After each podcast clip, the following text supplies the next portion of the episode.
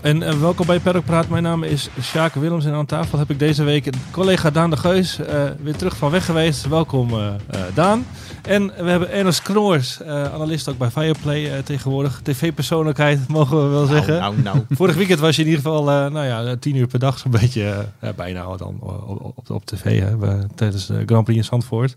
Ehm, we gaan het eh, weekend van de Italiaanse Grand Prix eh, bespreken. De race komt zo aan bod. Die was op zichzelf misschien niet super spannend, maar leverde alsnog eh, genoeg stof tot napraten op.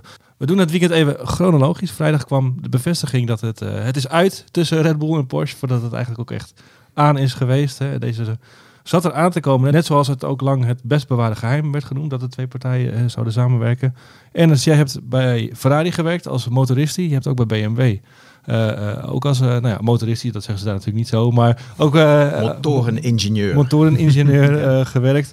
Uh, je hebt er ook veel met klantenteams uh, samengewerkt, weet ik nog. Ja. Um, hoe ingewikkeld zijn dit soort uh, huwelijken met nou ja, grote motorfabrikanten en raceteams aan de andere kant? Ja, het, het, het, klinkt heel simpel, maar het is heel ingewikkeld. En het gaat vooral over, ja, zo'n groot merk als Porsche heeft natuurlijk een bepaald imago, wil ook een bepaalde zeggenschap hebben. Brengt natuurlijk ook een hoop stabiliteit mee voor een team of een mogelijke partner. Maar Porsche kan zich eigenlijk niet binden aan een partner als ze niet de mogelijkheid hebben om hun eigen toekomst te bepalen. En daar ging het fout. Ja. Uh, dus het, het, zag uit als een uh, sprookjeshuwelijk. En uh, ik denk ook dat de FIA echt wel heel veel heeft gedaan om zo'n nieuwe manufacturer bij Formule 1 te krijgen. De reglementen zijn echt geschreven voor Porsche en Audi eigenlijk om ze ja. erbij te halen. Ja. maar uiteindelijk moet Red Bull eigenlijk uh, accepteren dat Porsche een bepaalde zeggenschap heeft. En dat wilden ze niet. En dat kan je aan de ene kant uh, begrijpen van Red Bull. Hè, want zij willen natuurlijk ook niet zeggenschap uh, verliezen in het team. Um, maar ja, je kan je wel afvragen, hadden ze daar niet eerder over kunnen nadenken voordat ja. het hele spel op de wagen stond? Ja. Dus, want ze waren een heel end. Hè? Ja. er werden al, hoe heet het, keywords, werden, daar werd, werd geld al voor, voor betaald. Hè? Finally, geloof ik, F1 Finally, Mhm. mm. zoiets was het. En, en ja. via een of andere mededingingsraad in Marokko lekte uit uh, hoe die constructie er een beetje uit zou hebben gezien. 50-50, uh, Porsche zou zich inkopen. En dat laatste aspect bedoel jij denk ik ook met... Uh, ja, dus die 50-50, het, dat betekent ook dat je de, de helft van de zeggenschap hebt. Ja. En ik denk eerlijk gezegd dat er, als je een beetje achter de schermen kijkt... ik denk dat er bijvoorbeeld van de Red Bull kant... Hè, dus van de, de, de, het bedrijf achter de teams, eh, de Formule 1 teams eigenlijk... dat daar wel een, een grote wens was van Mateschitz, de, de, de eigenaar van Red Bull... of de mede-eigenaar van Red Bull dat hij wel een grote wens had dat beide teams eigenlijk een stabiele partner vinden voor de toekomst. Alfa Tauri, maar ook Red Bull zelf. En uh, hij leek eigenlijk de drijvende kracht te zijn achter die deal met Porsche. Maar de technische leiding van het raceteam, dus de um, uh, Horner en Marco, het trio, ja, ja en Newey, ja. Uh, die dus uh, veel meer de daadwerkelijke operationele kant van het dagelijkse runnen van zijn team zien, die hadden geen zin om zeggenschap uit handen te nee, geven. Want... En dat lijkt een beetje een mismatch van uh, doelen geweest te zijn. En ja. dat leidt uiteindelijk tot dat het huwelijk niet doorgaat. Maar nogmaals, wat je zegt, dat, dat, duurde dan wel heel erg lang voordat ze erachter kwamen. Dat ja, het, en, ik, en ik denk dat er daar intern ook best wel, best wel wat gebakkeleid is, eerlijk gezegd. Want je, je gaat er toch vanuit dat, dat iemand zich realiseert veel vroeger wat de realiteit is van zo'n samenwerking. En ja. Ja, dat blijkt dan uiteindelijk toch tot conflicten te leiden ja. die niet op te lossen zijn. Daniel, je hebt het onderwerp ook wel veel gevolgd het afgelopen Mhm. jaar, veel over geschreven. Verrast deze, nou ja, misschien starre houding is misschien niet de goede uitdrukking van Red Bull, maar uh, nou ja, ze vinden het belangrijk dat ze flexibel blijven. Dat mm -hmm. heeft hun ook nou ja, zo groot gemaakt zoals ze nu zijn.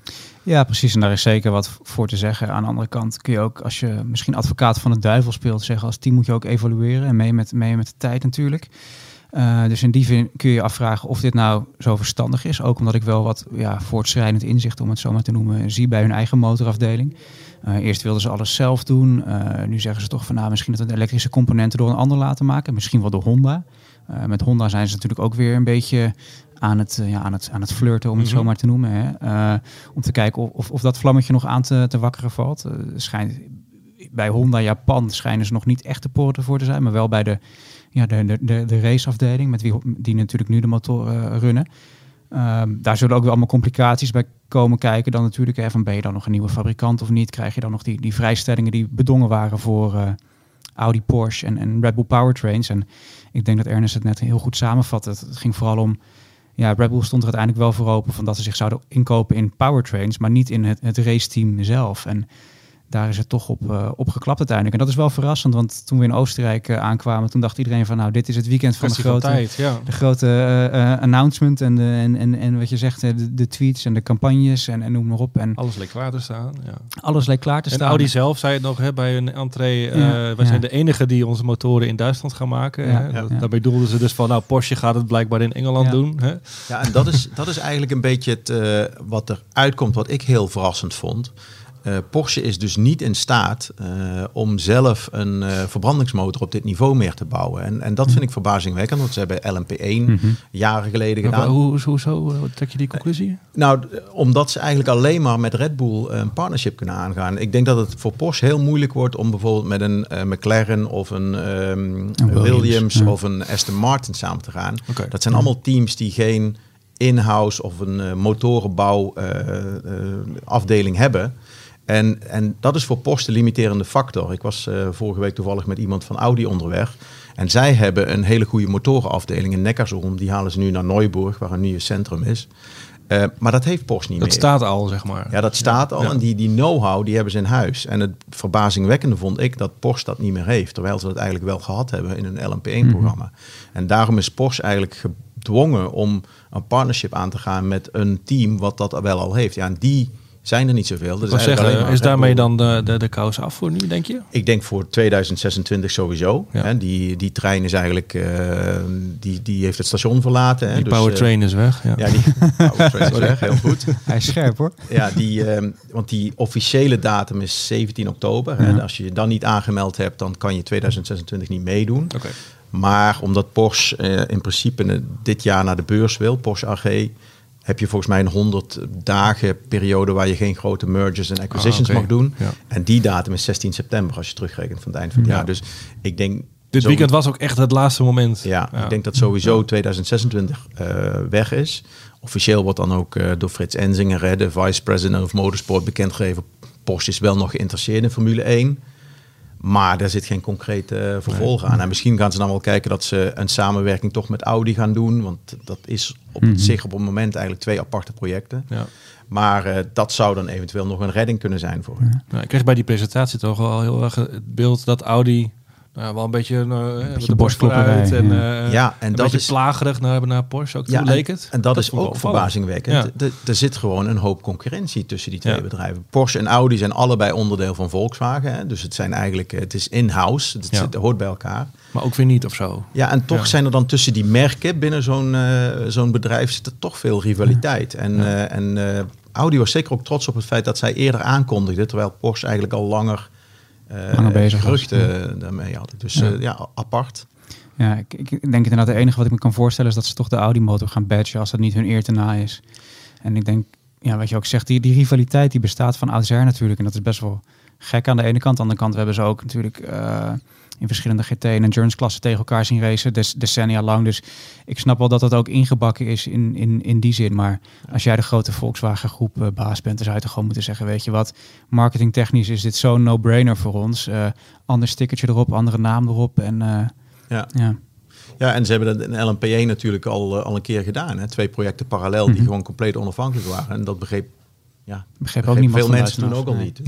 Nee, nee. En het frappante is, het schijnt dus, ik las laatst dat eh, die, die motor die toen ontwikkeld is door Porsche nog, eh, een soort concept voor een V6 Formule 1 motor, dat schijnt toch eh, een beetje de aanleiding ook voor Audi geweest te zijn. Er zijn veel mensen die toen met Die Porsche ligt toch zaten, ergens op een, op een, op een shelf. toch, ja, hij is niet meer relevant Nee. in die zin, maar veel mensen die daar toen aan gewerkt hebben voor Porsche, die schijnen nu dus bij Audi aan de Formule 1 kant te zitten. Dat is Oh. natuurlijk ook wel een beetje, ja, een beetje bijtend misschien. Ja. Ja, oké.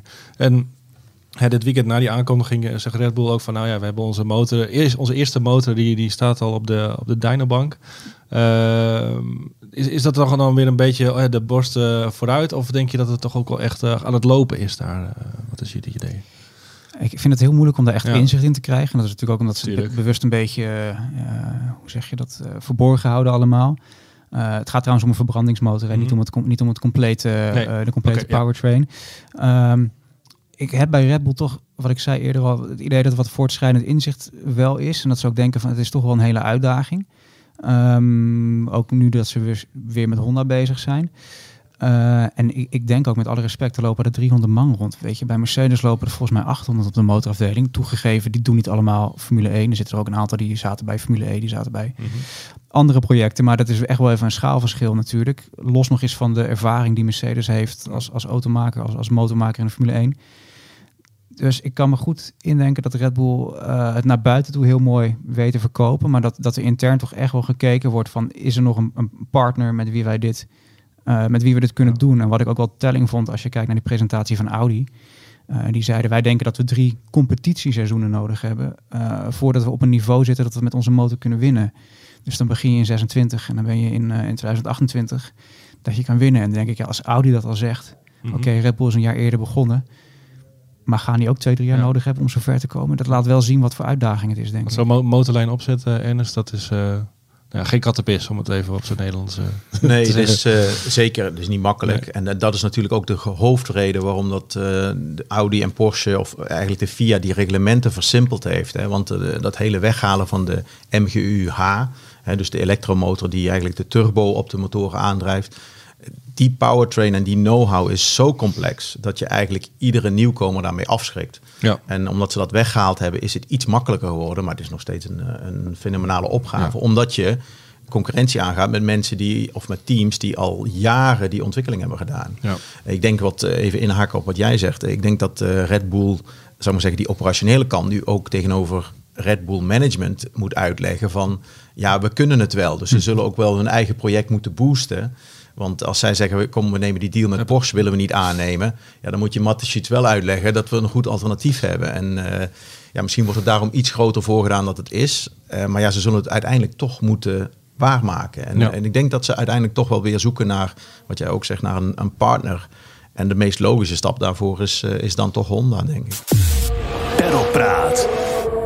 Dan gaan we uh, naar de vrijdag. Nick de Vries reed daar een vrije training voor Aston Martin op zaterdagochtend zat hij aan de koffie in de, in de. Zo wilde de overlevering. En toen belde Williams. De, Alex Albon was ziek geworden. Een blinde darmontsteking. En kon niet meer meedoen. Meteen instappen dus. Uh, Daan, jij kent het uh, Nick goed. Je hebt uh, veel contact ook met hem. Hè, voor onze rubriek over Formule E dan. Mm. Hè, in, in, in, het, in het blad.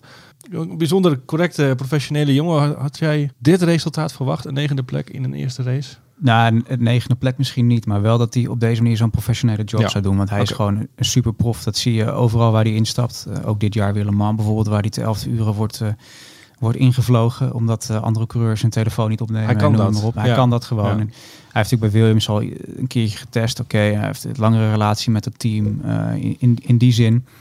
Um, en hij is gewoon een hele begenadigde coureur. dat heeft hij ook bewezen. En het is lullig om te zeggen van hij heeft een beetje het geluk gehad dat hij Williams goed liep natuurlijk. Maar ik kan me indenken dat het wel verschil maakt dat je op Monza instapt of op uh, Singapore of Hongarije waar misschien die auto minder goed gaat. Maar je moet het wel even doen en waarmaken. En dat heeft hij denk ik absoluut uh, gedaan. En nou, daar zullen we zo nog op komen. Maar alle complimentjes en, en, en, wat het voor zijn toekomst kan betekenen, dat heeft hij echt helemaal zelf... Uh, ja, hij heeft er alles aan gedaan. Ja, dat, dat heeft hij helemaal zelf ja. verdiend wat dat betreft. ja. ja. ja. Ja, zijn vader, uh, ik Ernest, jij was gisteren bij Fireplay aan het werk toevallig of niet? Uh, nee, op vrijdag. Uh, op vrijdag, oké. Okay, nou, zijn vader stond gisteren op de grid te snikken bij, bij Fireplay. Vond ik al een, mooie, een mooi beeld. Um, wat ik nog even afvroeg, Ernest, als motordeskundige. hoe belangrijk is ervaring met een motor? Hè? Want hij heeft dus voor meerdere Mercedes aangedreven teams gereden. Is dat, is dat belangrijk voor, voor ja. een coureur? Nou, ook helemaal als je zo op het laatste moment moet instappen? Ja, ik denk dat het wel belangrijk is. Ik, ik, geloof dat een van de grootste problemen die hij aangaf, ook het feit dat hij niet bekend was met alle tools en alle afstellingen die hij in de auto nog kan gebruiken om bijvoorbeeld over de race uh, afstand die auto naar zijn wens uh, af te stemmen. Okay, ja. En dat is, dat, daar speelt de motor, de powertrain, een, een, een grote component bij. Want dat is eigenlijk wat je kan afstellen. Hè. De, mm -hmm. de aero en de bandendrukken en de mechanische kant van een auto kun je niet verstellen. Maar je kan wel de uh, de hoeveel energie die je opwekt en wat dat voor een invloed heeft op je remmen en, en waar je dan die energie weer gebruikt, die elektrische energie. Dat kun je allemaal, daar kun je mee spelen en daar kun je dus ook mee aanvallen of je kan mee verdedigen, al naar gelang waar je zit in de race. En voor een rijder om dat, zal ik maar zeggen, snel te leren en daar ook automatisch mee te kunnen spelen, dat duurt heel lang. Mm -hmm. Maar als hij dus al de ervaring, of in elk geval een beetje ervaring heeft met eh, hoe een Mercedes motor eh, werkt in een raceauto en dan misschien nog de ervaring uit een simulator bijhaalt, ja, dan is dat wel een voordeel. Maar ik denk dat, eh, wat jullie ook zeggen, ik denk dat hij het heel goed gedaan heeft. Hè, met zo weinig voorbereidingstijd. Zelfs in Free Practice 3, de laatste training eigenlijk, kon hij maar een half uur rijden omdat Ja. de auto nog niet afgesteld Nee. was op hem. Het lengteverschil is toch wel aanzienlijk hè, tussen Ja. hem Ja. en, en, en Albon. En dan met zo'n beperkte tijd. eh, ja, eigenlijk moet je het, het zien ten opzichte van Latifi. Hè, hoe hij kwalificeert en hoe hij raced. Dat is gewoon eh, op het niveau van Albon, die er al eh, best wel lang eh, eh, bij is bij Williams natuurlijk. Ja. En dat die Williams dan inderdaad in Monza nog eh, in staat is om in de punten te rijden. Ja, dat is eigenlijk eh, een bonus erbovenop. Ik denk Ja. dat hij het heel goed gedaan heeft. Goed, hè, gisteren natuurlijk veel euforie en complimenten. Iedereen die, ja, die, die schreeuwt hem bijna het stoeltje in, als het ware. Ehm, vandaag kan ik me voorstellen, is ook gewoon weer de realiteit. En, en, en ja, het, het geld dat natuurlijk ook een, rol speelt. Hoe groot is de kans, denken jullie, dat hij eh, alsnog ja, op basis van deze sollicitatie een, een stoeltje krijgt? Want er gaan natuurlijk ook andere dingen meespelen nu.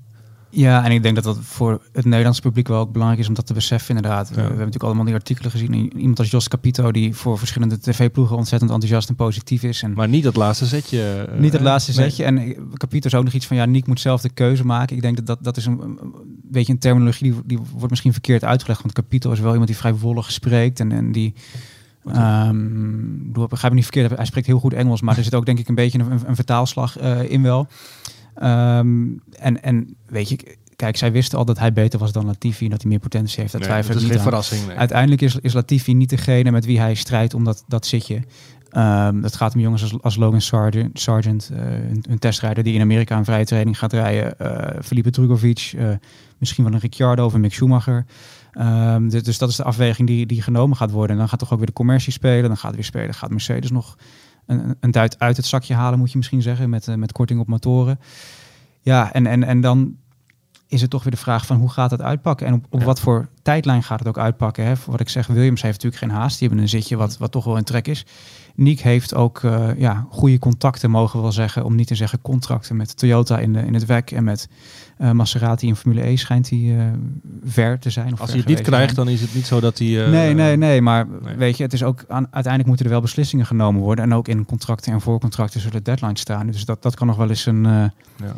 dat is misschien meer ook waarom, waarom bijvoorbeeld een kapitaal zegt van Nick moet ook voor zichzelf uitmaken van hoe lang wil ik dit spelletje spelen, om het zo maar te noemen. En hoe, wanneer wil ik gewoon beslissingen maken voor mijn toekomst. En ik sprak toevallig laatst eh, Kamui Kobayashi, die tegenwoordig behalve coureur ook eh, teambaas is bij Toyota. Eén van de teambazen moet ik zeggen, want ze hebben er vijf of zo. En die zei ook van ja, wij willen Nick graag hebben. Maar ja, Ja. eh, als hij naar de Formule 1 kan, dan snap ik ook wel dat hij, dat, hij dat doet. Maar Dus, kwam, eh, kwam het erop neer dat hij het wel snel wilde weten? Is dat wat je wil zeggen? Of dat Nou, denk je, dat zou zomaar kunnen? Dat zal hij niet, niet Nee. zo zeggen, maar ik kan me indenken dat zij dat intern echt wel snel willen weten. Ze zijn Ja. bij Toyota echt wel fan van hem, maar weet je, voor Nick is het natuurlijk wel nu of nooit qua Formule 1. Goed, de race dan. Het is eh, vaak alles of niks. Hè? Op Monza, soms is het een knettergekke race, zoals bijvoorbeeld twee jaar geleden. En soms is het een, eh, nou, een beetje zoals gisteren. Dit was weer een ouderwetse, nou ja, saaie Monza-race eigenlijk. Hè? Eh, waar, waar, waar, waar haal jij dan je, je plezier uit? ja, Ernst? wat heb je gezien dat interessant, wat het interessant maakt? Nou, ik, ik, ik had het idee dat een knettergekke race zou kunnen worden. Ja. Als het Ja. einde een De beetje ingrediënten mee waren daar wel, inderdaad. Ja, en dat is eigenlijk het, het eh, zal maar zeggen, de emotie die blijft hangen of de indruk die blijft hangen, is dat het een, eh, een gemiste kans is voor, eh, voor een, een, een spectaculair einde en voor, eh, ook voor de Formule 1 als, als sport. Ja. Uiteindelijk moet je zeggen, er zijn, is een samenloop van omstandigheden. Want we hebben het natuurlijk over de safety car die, Uiteindelijk, ja, waarmee het eindigt. Ja. die Ricciardo veroorzaakt en waar uiteindelijk de race niet wordt vrijgegeven. Ja, er zijn een samenloop van omstandigheden. Die auto stond in de versnelling, kon niet op tijd weggehaald worden. De safety car pikt eigenlijk de verkeerde persoon op in de vorm van Russell, hè, niet de, de leider. Daardoor duurt het lang voor die kranen eh, over, de, over het circuit kan rijden. Ja, en uiteindelijk, weet je wel, de top 4 staat op nieuwe banden. Eh, Verstappen opnieuw rood, eh, dan gebruik rood voor Leclerc. En Russell en, eh, en Sainz nog eens een keer opnieuw rood. Die denkt, ja, hoe mooi kan het zijn? En als Ja. hij dan niet wordt vrijgegeven, dan denk je, ja, een beetje een nachtkaars eh, zoals die race is uitgegaan. Maar goed, als, als, het, als de safety car de juiste eh, nou ja, persoon had opgepikt, dan had het er nog wel een één of Ja. twee ronde race kunnen zijn. eh, Heel, heel moeilijk om Ja. in te schatten. Maar eh, kijk, eigenlijk mag een auto nooit in versnelling blijven staan. En Nee. Een auto moet altijd... staat ook een boete op, toch? Ja, dat is, een technische, Ja. dat is een technische regel. Dus ik weet niet of ze daar nog een boete of een, een waarschuwing voor krijgen. Maar je moet een auto eigenlijk altijd in neutraal kunnen klikken. Tenzij er echt een heel groot mechanisch probleem is. Maar normaal gesproken staat in de technische regels dat die altijd in neutraal moet wo kunnen worden geklikt. En dan was die auto sneller weg geweest. Ehm, nu moet een kraan komen. Die kraan staat niet aan de binnenkant van die bocht waar die uh, auto blijft staan. Dus die moet over het circuit.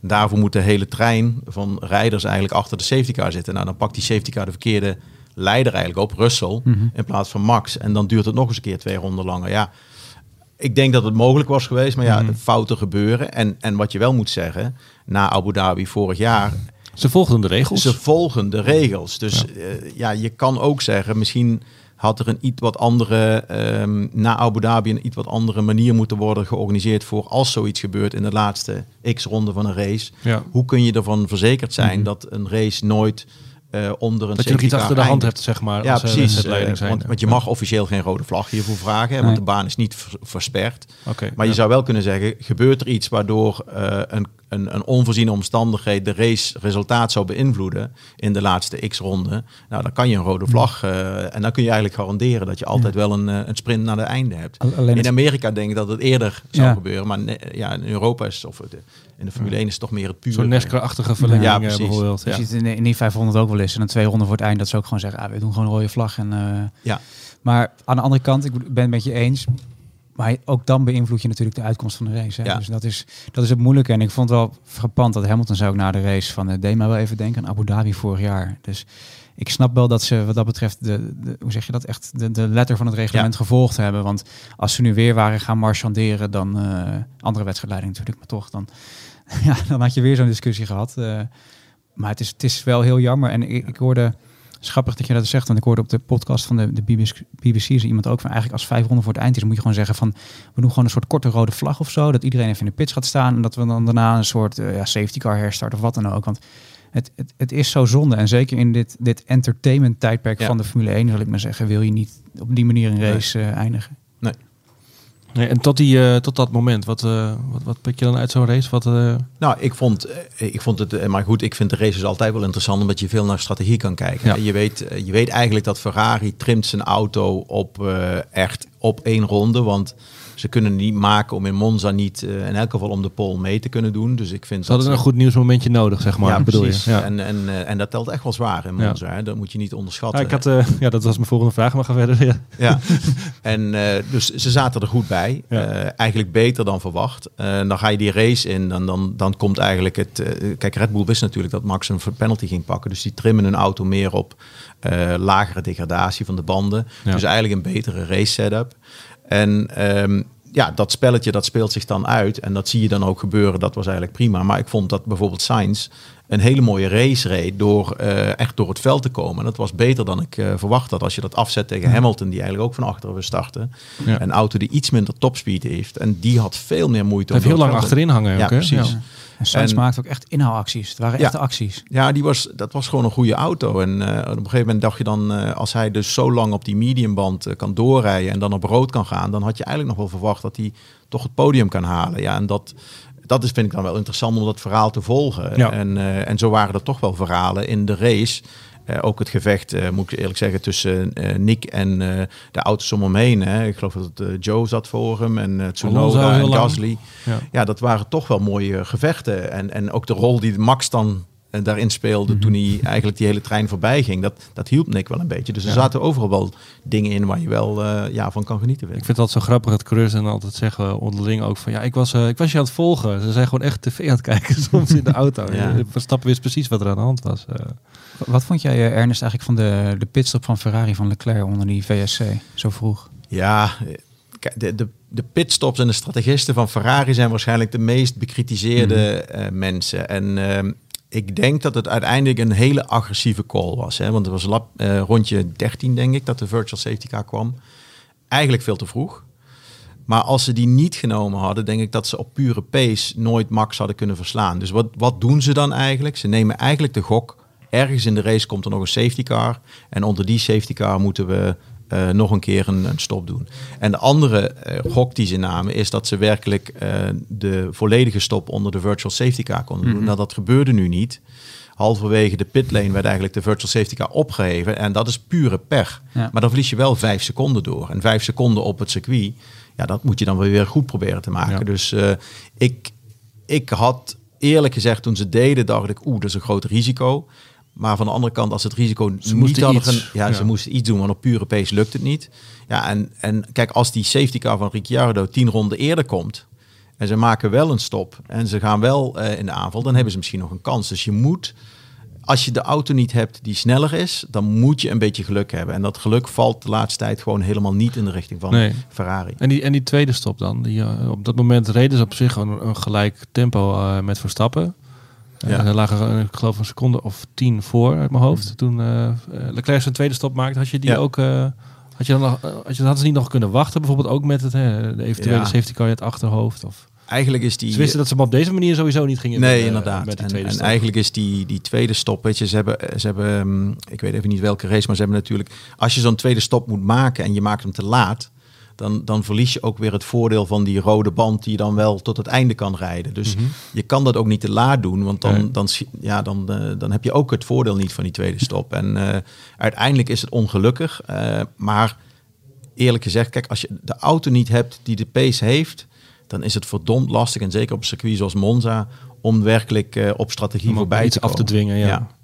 Je hebt wel eens ver- verteld over donderspeechen op de maandagochtend. Waar Ja. jij eh, destijds bij eh, mo- mocht zijn. Hè? Luca Di Montezemolo kwam met de helikopter aanvliegen. En die, Ja. eh, nou, wat was het ook alweer? Een, eh, priesters... eh, Ja, ja, ja. Die, die, die legde dan een habijt van Of een habijt, ja. op, eh, Ja. op tafel en zei jullie moeten nederig blijven. ja, Eh, ja. Hoe zou de stemming vandaag zijn?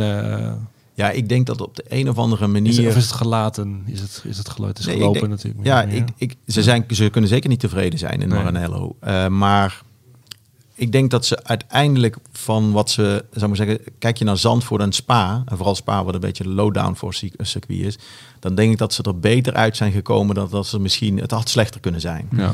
Het had zeker beter kunnen zijn door bijvoorbeeld, eh, was die safety car eh, nog vrijgegeven de race aan het einde, denk ik niet dat Leclerc Max had kunnen inhalen. En Max staat opnieuw rood.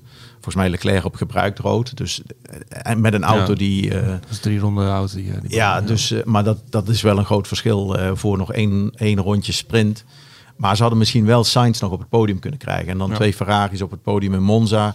Dat was denk ik het maximale geweest. Ja. Dus wat dat betreft kunnen ze ja, redelijk tevreden, maar niet, eh, niet compleet tevreden zijn. Eh, Ja, de topman eh, van Ferrari gaf nog een interview dit weekend in, in La Gazzetta. Hij zei daarin eh, eh, Binotto te steunen, maar er werden wel heel veel fouten gemaakt. En eh, we hadden altijd eh, de, de, de, voor, de, de, hoe zeg je dat? De, de voorzitter van de voetbalclub die zijn trainer zegt te steunen. En dan de volgende dag is het dan vaak... eh, ja. is het, hoe, hoe, hoe moeten we dat interpreteren? Is, hij, is Binotto nog gewoon, krijgt hij de tijd om eh, door te gaan met zijn project? Of, of moeten we vrezen? Eh, Daan, Ja, ik, ik denk als je Binotto nu ontslaat, of aan het eind van het jaar ontslaat, dan, op. eh, dan creëer je een soort leemte waarvan je denkt van hoe ga ik die opvullen? En misschien dat ze bij Ferrari wel iemand hebben rondlopen dat ze denken van nou, die, die, die, die kan dat.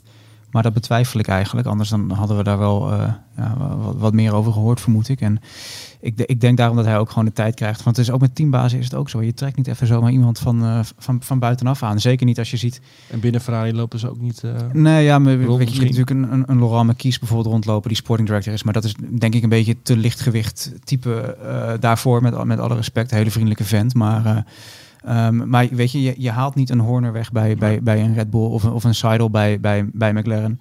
Eh, en zeker niet op korte termijn. En ook buiten de Formule 1 is het wat dat betreft natuurlijk moeilijk eh, ja, om iemand te vinden die dat kan, denk ik. En het, het opvallende aan het interview van Elkan vond ik dat wij eh, keurig van Ferrari een mailtje kregen waarin dat in het Engels vertaald was. Ja, Toen dacht ik van, hé, hey, ze hadden wel behoefte aan, eh, aan wat positieve nou, press inderdaad. en ik dacht ook Ja. van misschien dat ze bang zijn dat wij dit zelf verkeerd gaan vertalen met Google Translate Ah, of zo. Dat ze wel even, even zeker Ja. weten dat het, dat het op hun manier wordt overgebracht. En dat, dat- was, dat, dat dat heel positief bedoeld was. en- eh, ja, en dat laat ook wel zien dat, dat er toch spanning op staat, denk ik. Maar ja, wat ik zeg, ik denk dat Binotto vervangen gewoon heel, heel, eh, heel moeilijk is. Ja, ja. Nou, ik, denk, ik denk dat je het heel goed ziet. eh, eh, ik denk dat er geen voordeel van is om Binotto te vervangen. Ik denk dat de druk wel steeds groter wordt op Mattia om, eh, om iemand eh, binnen zijn eh, afdeling te halen van buiten. Eh, en waarschijnlijk een race strategist, daar, zal, daar zullen ze mee bezig zijn. Ja. En dat zal dan een, een persoon moeten zijn die, eh, die wel wat gewicht heeft en wat ervaring heeft. Dus ik, ik neem aan dat ze in die richting misschien wel een eh, vera- verandering gaan doen. Maar het, het, uh, het, het uh, zal maar zeggen, weghalen van Mattia uit die organisatie dat zou niet, uh, creëert nee. jaren onrust voordat dat weer allemaal op zijn plek valt. En, en het andere wat je niet moet vergeten is als je ziet waar ze van komen vorig jaar, hebben ze toch een grote stap naar voren gemaakt. En eigenlijk ja. het feit dat ze de eerste twee, wat was het, twee of drie races dit ja. seizoen wonnen, heeft die verwachting ja. zo hoog gelegd. Twee keer winst, één keer tweede was dat inderdaad. Ja, ja. Mm. dat, ze, dat ze eigenlijk uh, zichzelf, uh, weet je wel, na, na twee races zei iedereen, ja, Ferrari gaat dit seizoen gewoon winnen. Ja. En die verwachting kunnen ze niet maar waarmaken. Maar ja, het is wel een grote stap van het seizoen ervoor. En, um, uh, ik denk dat de druk wel steeds hoger wordt op Mattia, dus op Binotto. Um, maar ik denk dat hij wel nog een seizoen krijgt om, uh, om te kijken of hij het uh, ja. Uh, ja, in elk geval de stijgende lijn kan doorzetten. En hij zal binnen zijn organisatie, want dat is een beetje het, het zwakke punt volgens mij. Mattia is echt een beetje een manager. Ik heb al eerder gezegd, het is een beetje de Rutte van, hmm. van de Ferrari. Dus hij, hij is allemaal buigen en meebewegen en, en mensen aan boord houden. Daar is hij goed in en dat is heel belangrijk bij Ferrari. Maar er moet nu iemand daar een beetje meer, uh, uh, zou maar zeggen, met de vuist op tafel slaan. En zeker bij bepaalde... Die dat voor hem doet. Zeg maar. Ja, die dat voor hem doet. Ja. Hè. Kijk, uh, je had vroeger had je Ross Brawn, mm -hmm. John Todd. en daaronder zaten echt, ja, noem het maar beulen. Zoals een Nigel Stepney. Die was baas van de, van de mechanics. Nou, het zou nooit kunnen dat daar een band in de verkeerde deken zit. Want die jongen die wordt helemaal uitgescholden en die wordt zo uh, onder druk gezet dat, dat dat soort problemen mogen niet gebeuren. En dat is eigenlijk een beetje die, die agressiviteit en die, mm -hmm. die druk, uh, die moet wel weer terugkomen. Want het ja. mag niet zo zijn dat iedereen zegt, nou ja, het gebeurt, oké, okay, we gaan weer verder. En dat is een beetje waar, denk ik, de, de grootste, het grootste manco zit bij Ferrari. En waar ze dan ook uh, echt wel op moeten, op moeten inzetten. Ja. Binotto heeft natuurlijk heel heeft ook echt uitgesproken van we, we, we wilden die angstcultuur wegwerken eigenlijk. Hè? Vooral op, op hè, van stel je voor je, je ontwerpt een keer een auto die, die niet goed is en uh, we ontslaan de hele techniekafdeling. En, en dat is denk ik heel goed geweest. Alleen, ik denk wat je zegt, dat moet niet ten koste gaan van de scherpte. En ja. ik vraag me wel eens af, van missen zij bijvoorbeeld iemand als een, een, een Nicky Lauda, zoals die dat bij Mercedes deed. Ik weet, Lauda heeft ook bij Ferrari gezeten. Dat werd echt een ramp. Ja. Ik zou ook niet weten welke... Uh, wat voor type je daar neer zou moeten zetten. Maar je zag wel dat die tandem met Toto Wolff, dat het heel goed werkte ja. inderdaad. En ja, ik denk dat ze de verandering iets lager moeten zoeken in de organisatie. Ik denk dat Mattia heel goed... Ferrari is een bedrijf wat je moet kennen. Je kan dan niet... Uh, ze hebben het geprobeerd met Pat Fry, met een James Allison. Mm -hmm. Dat zijn mensen die van buiten erbij zijn gehaald. En voordat je weet hoe Ferrari tikt als bedrijf... Hè, wie kun je wel onder druk zetten, wie niet dat duurt te lang voor een buitenstaander. Ja. En, en Mattia kent dat heel goed. Hij is, uh, zijn carrière is begonnen bij Ferrari. Hij is in de rangen op. De Schumacher-jaren zat hij er al, ja, toch? Hij was motoringenieur van Michael Schumacher. Ja. heeft daar ook kampioenschappen mee gewonnen. Weet wat het is om te winnen. Weet wat het daarvoor nodig is. Maar hij heeft ook die structuur met John Todd, Ross Brawn uh, en Nigel Stepney uh, als, als chief mechanic. Kent hij heel goed. Um, en ik denk dat die veranderingen die hij nodig heeft... eigenlijk meer het niveau beneden hem zijn. Hij heeft iets hardere en iets... Um, ja, uh, doortastendere, ja. denk ik, uh, mensen nodig op een paar sleutelposities. En ik denk dat hij die, ja... Dat is ook een goede manager natuurlijk, hè? die de juiste poppetjes uh, Ja, maar ja, die moet je dan ja. wel ook vinden. Hè? Ja. Want je kan het ook heel makkelijk, wat jij zegt, die angstcultuur weer terugbrengen. En dan, dan vervriest zo'n organisatie ook. En daar uh, moet hij de juiste persoon en de juiste balans voor vinden. En ik denk dat ze nu iets te ver doorgeslagen zijn naar weet je wel, we maken samen beslissingen. Je hoort het ook in de gesprekken met de rijders. Ik mm -hmm. vind dat heel raar dat ze rijders om meningen vragen. Je kan een rijder vragen, ja. ja. hoe is de band? Hè? Ja. Kun je nog vijf ronden door? Dat is oké. Okay. Maar als je dan gaat vragen, wil je nu een rode band of wil je een witte band? Wil je dan...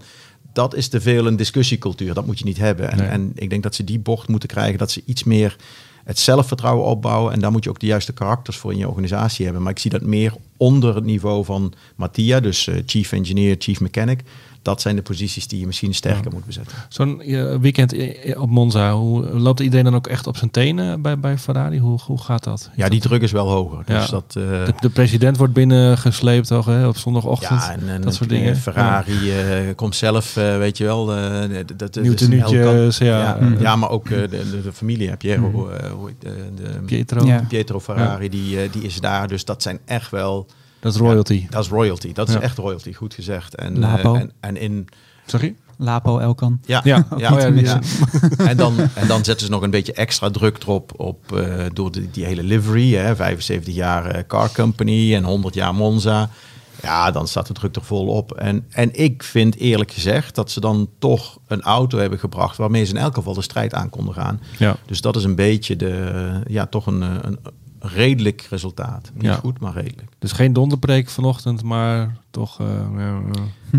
Ik denk, eh, het is een beetje vlees, vlees nog vis. eh, Ja. hè? Dus het is, Ja. ook, het is oké, maar dit is niet eh, fantastisch. Maar het is Nee. wel goed om, om vanuit daar misschien weer wat op te bouwen. En ik denk ook niet dat ze echt grote fouten hebben gemaakt in strategie. Dus daar kun je ook weer een beetje op opbouwen. Ja, eh, je, je mag hopen dat ze toch nog eh, iets kunnen betekenen in de rest van het seizoen. En nog een paar races kunnen winnen.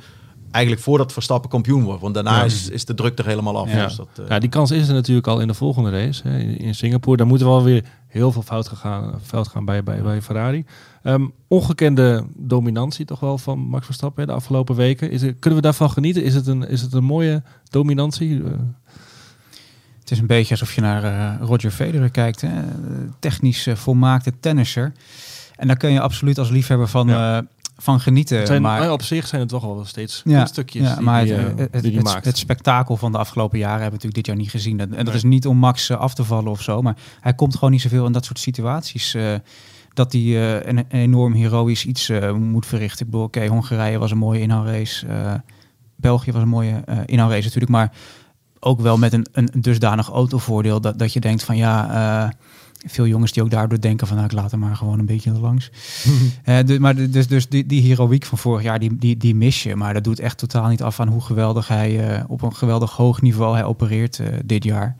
En wat je zegt, het, is- het is echt een, een, een ongekende dominantie. Ik weet nog, we stonden in eh, Australië met hem. Dan was hij voor de tweede keer in drie races uitgevallen. En dan zei hij van, ik wil niet eens aan de titel denken. En nu is het eigenlijk niet meer te denken dat hij hem niet, eh, dat hij hem niet wint. Nee, enorm verschil inderdaad. Ernst, kun je er eh, ja, ik, ik denk dat... bij eh, aansluiten? We, we hebben het er eh, even voor de uitzending over, voor de, voor de opname over gehad. Dat het, eh, het is misschien een Nederlands, weet je wel, we, we wennen heel snel aan succes. En, en, en het, we willen graag zien dat Max vecht voor zijn overwinningen.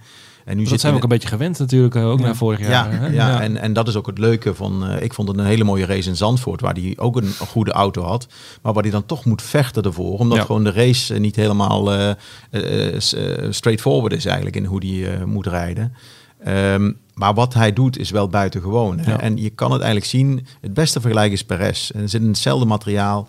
En, en hij- Sergio is echt geen eh pannenkoek. Hij kan echt wel rijden. Ja. Maar Sergio heeft, of Perez heeft wel af en toe een off-day. En, en het, het ongelofelijke van Max is eigenlijk dat hij dat nooit heeft. Nee. Er is geen race waar je kan zeggen van hij heeft echt een off-day. Hij krijgt de auto liggen, niet. of- ja, ja, precies. ja. En dat ligt natuurlijk aan dat de auto goed is. Maar als je dan naar Sergio Perez kijkt, dan zie je toch dat iemand anders wel worstelt met die auto. En, eh, en zelfs als hij een fout maakt, kijk Budapest, ja, dan herstelt hij hem en, eh, en Mhm. eh, Spanje ook nog. Hè, ja, en dat is echt wel ongekend. Ja. Dat is ook een beetje de, de, zal maar zeggen, de, de, de trademark van een echte kampioen. Dat je zoveel capaciteit en zoveel eh, Zoveel overheid, talent ja. hebt dat je die, die slechte resultaten gewoon kunt vermijden. Het is ook altijd een beetje flauw om te zeggen, maar achter Max is het echt ongekend spannend. Dan zie je Leclerc 219, Perez 210, Russell 203. Ja. Stel je voor dat dat je kampioenschapsstrijd zou zijn, dan, dan had je Ja. echt een klassieker van een seizoen eh, gehad. Ja. Zou die, wat denk je, Singapore, is dat nog te vroeg? Ja, ik denk dat het Japan wordt. Ik denk Ja. dat de Singapore moet geloof ik Leclerc gaat naar 9 Japan, of hè? lager. Dus, ja, dus ik, ik ga me daarop verheugen. Ik, Ja. eh, ik heb al wat ideetjes voor eh, hoe we dat eh, moeten gaan aanvliegen, maar Ja. eh, dat zullen we nog wel bespreken. Vooral heel veel vliegen eerst, denk ik. Ja, dat is wel even een etappe Ja. inderdaad. En een flink stuk met de trein ook nog. Dus eh, ik hoop dat ik op tijd ben eh, voor, eh, om zondagmiddag daar eh, het verslag te schrijven. Ja, nou goed. Dat zien we over eh, ja, drie weken. We hebben even eh, weer een soort mini-break nu. Hè? Ehm, dankjewel. Dit was Paddock Praat. Bedankt voor het luisteren. We hebben deze week geen nieuwe editie, eh, productie. Voor wie nog even rustig op Zandvoort wilt terugkijken. Er liggen 100 pagina's in de winkel met prachtige beelden en verhalen van dat eh, mooie weekend. En als Verstappen het in Singapore al afmaakt, dan komen we alsnog met een kampioensnummer. En anders eh, hebben we een verse editie naar Japan met mogelijk dus die tweede titel. Hou tot die tijd de site in de gaten, formule1.nl voor het laatste nieuws. Bedankt voor het luisteren en dan sluiten we zoals altijd af met de uitloopstrook van Koen. Tot de volgende. De uitloopstrook van Koen. Superlatieven. Max maakt het ons niet makkelijk.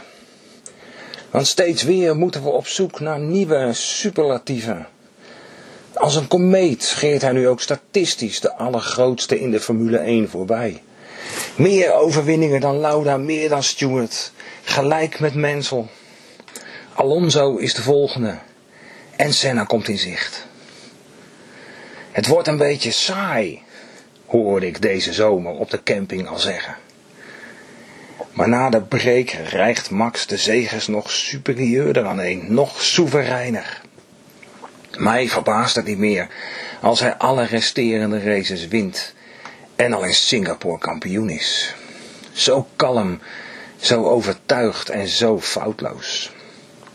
Max, dat weet iedereen, steekt met kop en schouders boven de rest uit. Maar nu heeft hij ook het beste pakket op de grid.